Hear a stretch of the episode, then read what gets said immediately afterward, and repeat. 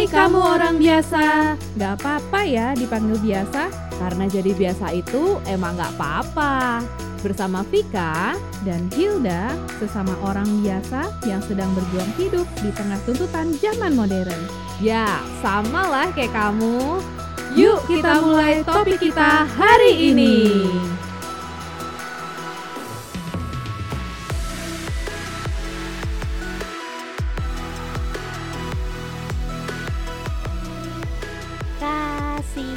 kepada Eh tunggu tunggu tunggu. Kenapa jadi nyanyi itu ya? Eh, tak terhingga sepanjang masa Oh, lagi curhat nih ceritanya nih Iya, ya karena aku seorang ibu Mm-mm. terus kan kasihnya sepanjang masa Mm-mm. jadi harus seberapa banyak kasih yang harus gue berikan sampai gue layak dibilang seorang ibu yang memiliki kasih sepanjang masa Hmm. Kayaknya kalau udah jadi ibu tuh memang dituntutnya pengorbanannya besar ya gak sih? Iya, apalagi ibu wanita semua harus kita berikan sehingga kadang ya apakah memang harus segitunya? Hmm, nah gue jadi inget nih kemarin ini gue sempat ngeliat sebuah postingan di Instagram tuh ya tentang seorang ibu yang mau minum susu tuh ceritanya susu susu kotak nih ya Heeh. susu, susu kotak, kotak aja biasa, sampai heeh. dia harus labelin punya mama padahal itu ditaruh di dalam kulkas rumahnya sendiri loh sampai anaknya bilang kok ini jadi kayak kosan sampai an- maksudnya an- an- anaknya tuh sampai bingung gitu ya Iya, kok jadi kayak anaknya kosan. yang kayaknya Nah. seolah kayaknya sih ya seolah-olah anaknya yang menemukan itu susu berlabel terus berasa jadi kayak anak kos gitu. Kenapa si mama sampai harus nge-labelin gitu? Tapi gue bisa paham sih dari sisi ibu itu. Kalau kalau lu apa makanan lu sering dicolong suami atau anak lu gak? eh, kebanyakan tuh setiap kali gue mau makan sesuatu yang baru atau enggak yang gue suka gitu pasti tuh anak anak gue sih terutama sering kayak mama mama itu apa mau coba dong aku mau coba Nah. dong jadi kayak kayak nggak tenang sih hidup gue memang jadi makanya gue bilang gue bisa relate sama si ibu itu sampai dilabelin oke ini punya mama karena kadang tuh gue juga pingin kayak ngabisin satu porsi full bukan ngabisin sisa anak atau gue Ah, pesen bener makanan banget. maunya anak gitu loh Iya bener, kayak seolah-olah tuh eh, setelah menjadi ibu tuh lu ranah privasinya agak berkurang ya nggak sih? Iya, kadang gitu. Maksudnya gini, kayak misalnya dulu waktu masih sendirian atau nggak pacaran, misalnya kita pergi ke suatu restoran, let's say Korean restoran gitu ya. Ya udah gue beli aja topoki kesukaan gue, gue beli Mhm. aja uh, apa sundubu jjigae yang pedes-pedes sukaan gue karena ya buat diri gue sendiri gue suka pedes. Dan ketika kita sudah punya anak, pasti kan kita cari restoran yang ramah anak. Hmm. Restoran kita cari menunya anak gue bisa makan nggak ya? Hmm. Terus mau pesen kan biasanya kita makan bertiga gitu ya Karena gue cuma bertiga Maksudnya kayak Oke kalau misalnya gue pesen tiga nanti kebanyakan Ya udah akhirnya yang dikaliin apa Makanan pedes gue dong Bener gak sih Jadi akhirnya gue ya udah deh Ini supaya yang akhirnya lu tidak pernah bisa Nah. makan pedes lagi gitu ya. Nah Oh gitu. Jadi curcol bunda Curcol bunda. Kalau gue kayaknya eh, bukan makanan nih. Kalau gue tuh? misalnya waktu me time untuk di toilet aja. Oke Nah, baru juga masuk dah. Dor dor dor dor dor. Mami, mami, udah dicariin. Kayak dicariin satpam coy. Jadi udah bener-bener lagi mau jongkok Makanya ya kadang tuh gue pernah denger kayak apa sebenarnya kamar mandi itu tempat paling peweknya ibu-ibu gitu ya buat minimal lu buka sosmed dulu aduh pokoknya Iya. ini gitu Iya, Cuman tapi itu pun ya. kadang-kadang tidak bisa. Gua Tapi memang begitulah. Ini ini ini sharingan nyata ya, pengalaman nyata kami berdua ya. Jadi iya tidak mengada-ngada lah ibu-ibu itu iya bener-bener sampai harus melebeli itu ya kalau gua sih sampai nggak ngelabelin sih, nggak sampai ngelabelin sih. Cuma memang kadang-kadang tuh pengen gitu ya sebagai seorang mama tuh, aduh gue pengen kali bisa punya waktu sendiri, gak harus nge-share segala-gala yang gue punya. Gue juga pengen jadi diri sendiri gitu ya nggak sih? Iya benar-benar maksudnya eh, apalagi kan sesederhana gini loh misalnya kita sudah punya anak gitu pasti kalau kayak di sekolah kalau kayak di jalan gitu dipanggilnya halo mam Josh. Eh mam Hmm. Josh. Mami Joshua. Mami ini. Kayak kayak mm, ya bener sih gue gue maminya sih. Hmm, cuma tapi mereka tidak tahu nama asli lu siapa. iya gitu. Maksudnya kadang mungkin mereka tahu tapi mereka kayak eh, ya biar gampang membahasakan gitu kali ya. Hmm. jadi kayak mm, tapi kadang hal-hal sederhana itu membuat kita tuh suka melupakan jati dirinya kita gitu loh Hmm. ada temen gue juga yang suka cerita gitu kan saking seringnya dia dipanggil sebagai mami nama anaknya gitu jadi gue ini siapa sih sebenarnya jadi kayak dia kehilangan jati dirinya gitu loh Hmm, ya jadinya kayak either maminya siapa atau ibu istrinya siapa. Iya, ibu pip gitu nama suami Iya. gitu, insert nama suami gitu kan. Nah, ya emang salah nggak kayak gitu? Nggak salah sih. Bisa juga kan orang balikin lu nya aja baperan kali. gitu kan. Lu lu lu nya aja baperan kali. Lu nya sebenarnya ya orang manggil gitu kan sopan santun aja gitu kan karena ibu siapa, mami siapa gitu kan. Nggak salah sih, cuman gini loh.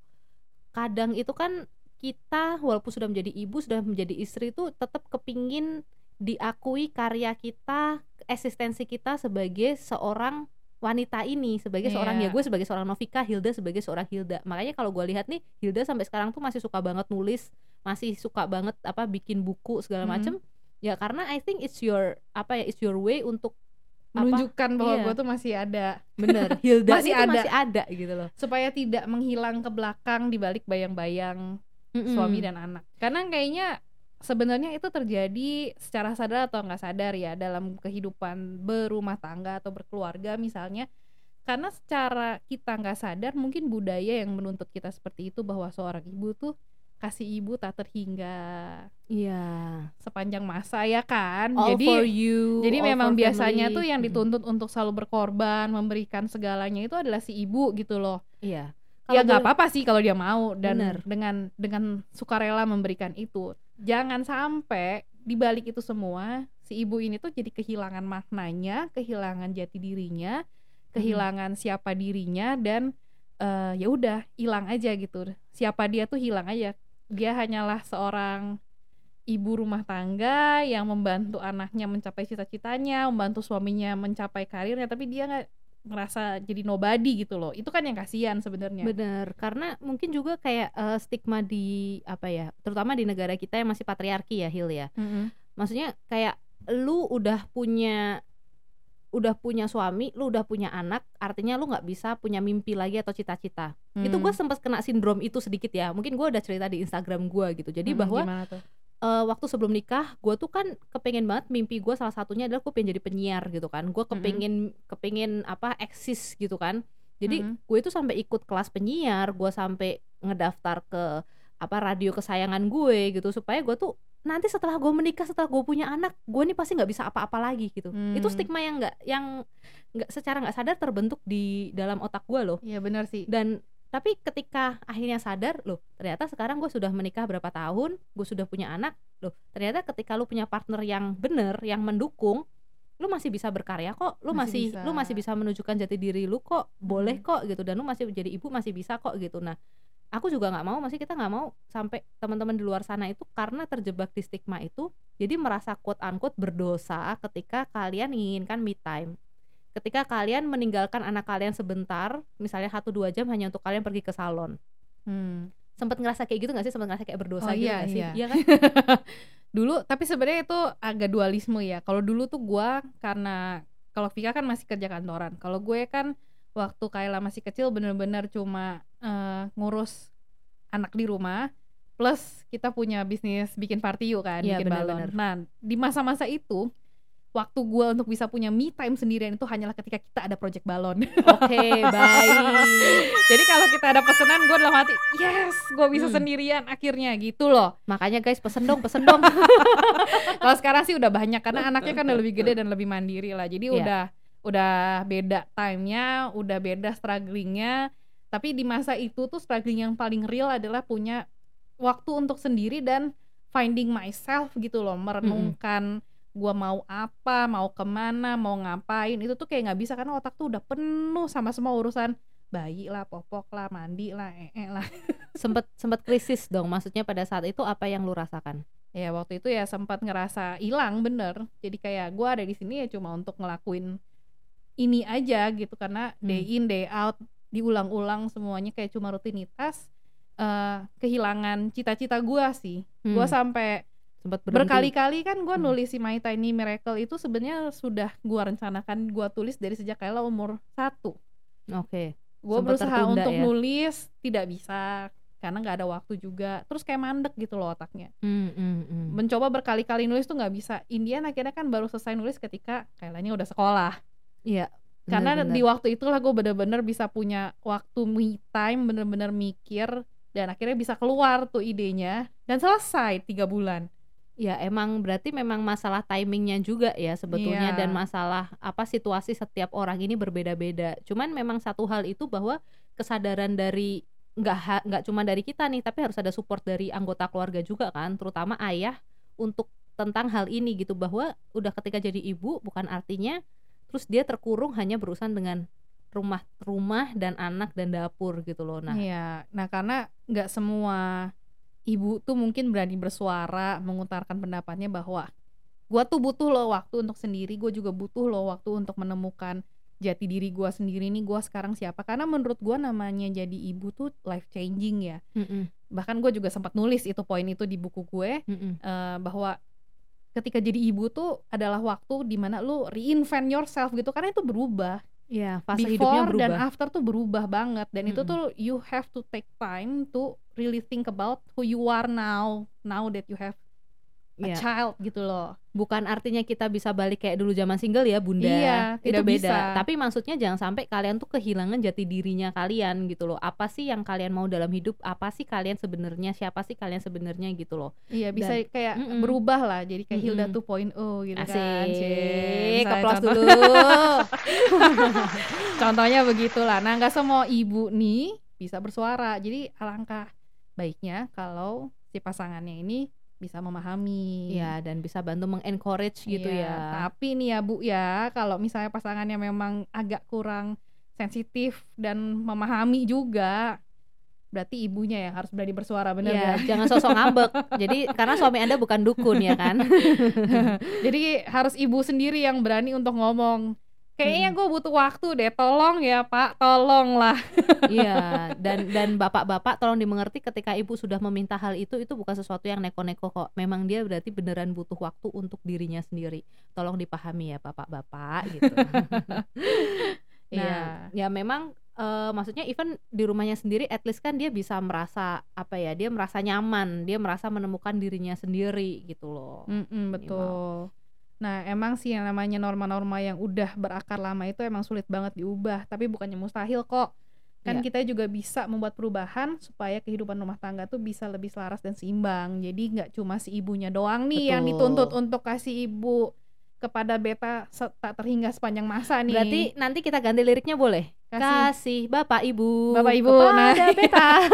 boleh dong berdua gitu ditanggung berduanya. Jadi Kan- jangan se- si ibu melulu yang harus Iya. memberikan jiwa dan raganya seutuhnya gitu kan kasihan gitu Iya, loh bikinnya berdua usahanya, benihnya berdua, masa ibu doang? jadi emang selayaknya ditanggungnya berdua juga perjuangannya ya kan Iya bener. Nah ini buat kamu yang bukan atau masih belum jadi ibu. Nah ini bisa jadi poin pembelajaran buat kalian. Jangan malah takut punya anak. Ya kalau misalnya kamu memutuskan nggak punya anak pun nggak apa-apa. Kayak kita bahas di episode sebelumnya ya. You Mhm. mau child free pun nggak apa-apa. Asal kamu sadar itu. Tapi ketika kamu sudah memutuskan menjadi ibu pun sadarilah hal ini dan belajar juga untuk apa ya memperlakukan ibumu yang sekarang ini loh untuk Iya. dengan lebih baik gitu karena kadang ibu-ibu apalagi ibu yang zaman dulu ya pasti kan kayak masih pakemnya tuh masih kuat gitu Mm-mm. jadi kayak emang harus ini jadi ngelayanin suaminya ngelayanin anak-anaknya itu dengan sepenuh jiwa raga ya kalian yang tahu diri lah karena kalian sudah dengar kita dan kalian tahu betapa sulitnya gitu mendekati mungkin ibu-ibu kalian tuh sebenarnya butuh udah nggak apa-apa mami aku aja yang masak hari ini gitu.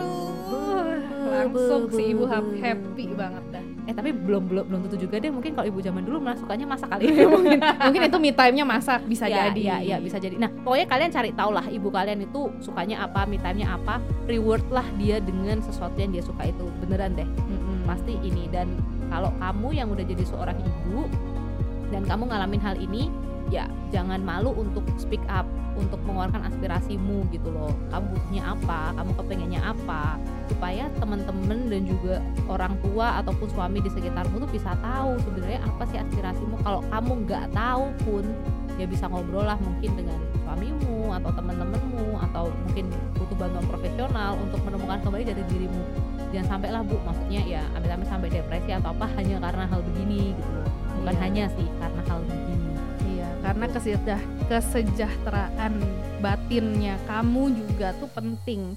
Kesejahteraan hati seorang ibu juga sama pentingnya dengan kesejahteraan para anggota keluarga lainnya. Amin. Nah, gua nih eh, pernah baca quote yang paling bagus banget buat eh, gua nih karena kayak kena banget nih dari Eleanor Roosevelt. Eh, dia adalah ex eh, apa ibu ibu negaranya Amerika ya. Dia tuh pernah bilang you don't have to set yourself on fire to keep others warm. Artinya, jadi lu tidak perlu mengorbankan diri lu terus-terusan untuk supaya orang lain tuh jadi lebih hangat. Tepokin dulu dong. intinya lagi nggak perlu terus-terusan mengorbankan diri lu sendiri demi kepentingan orang lain bu ya. boleh kok bu ibu memperjuangkan kepentingan ibu sendiri karena ibu juga manusia gitu. Oke, mantap. Applause lagi. Jadi buat ibu-ibu yang mungkin butuh me time, yang masih kepengen ada hiburan, boleh kali dengerin kita juga, dengerin kita terus dan kasih tahu juga teman-teman ibu-ibu yang lain ataupun yang belum ibu-ibu buat selalu dengerin kita, saudara-saudara semuanya. Oke, dan jangan lupa untuk terus subscribe dan kita bakal balik lagi di minggu depan. Eh, dua minggu lagi. dua minggu lagi sekarang terbitnya dua minggu sekali Oke oke, thank you ya semuanya. Tetap dengerin kita terus ya. Oke, bye-bye, and see you on the next episode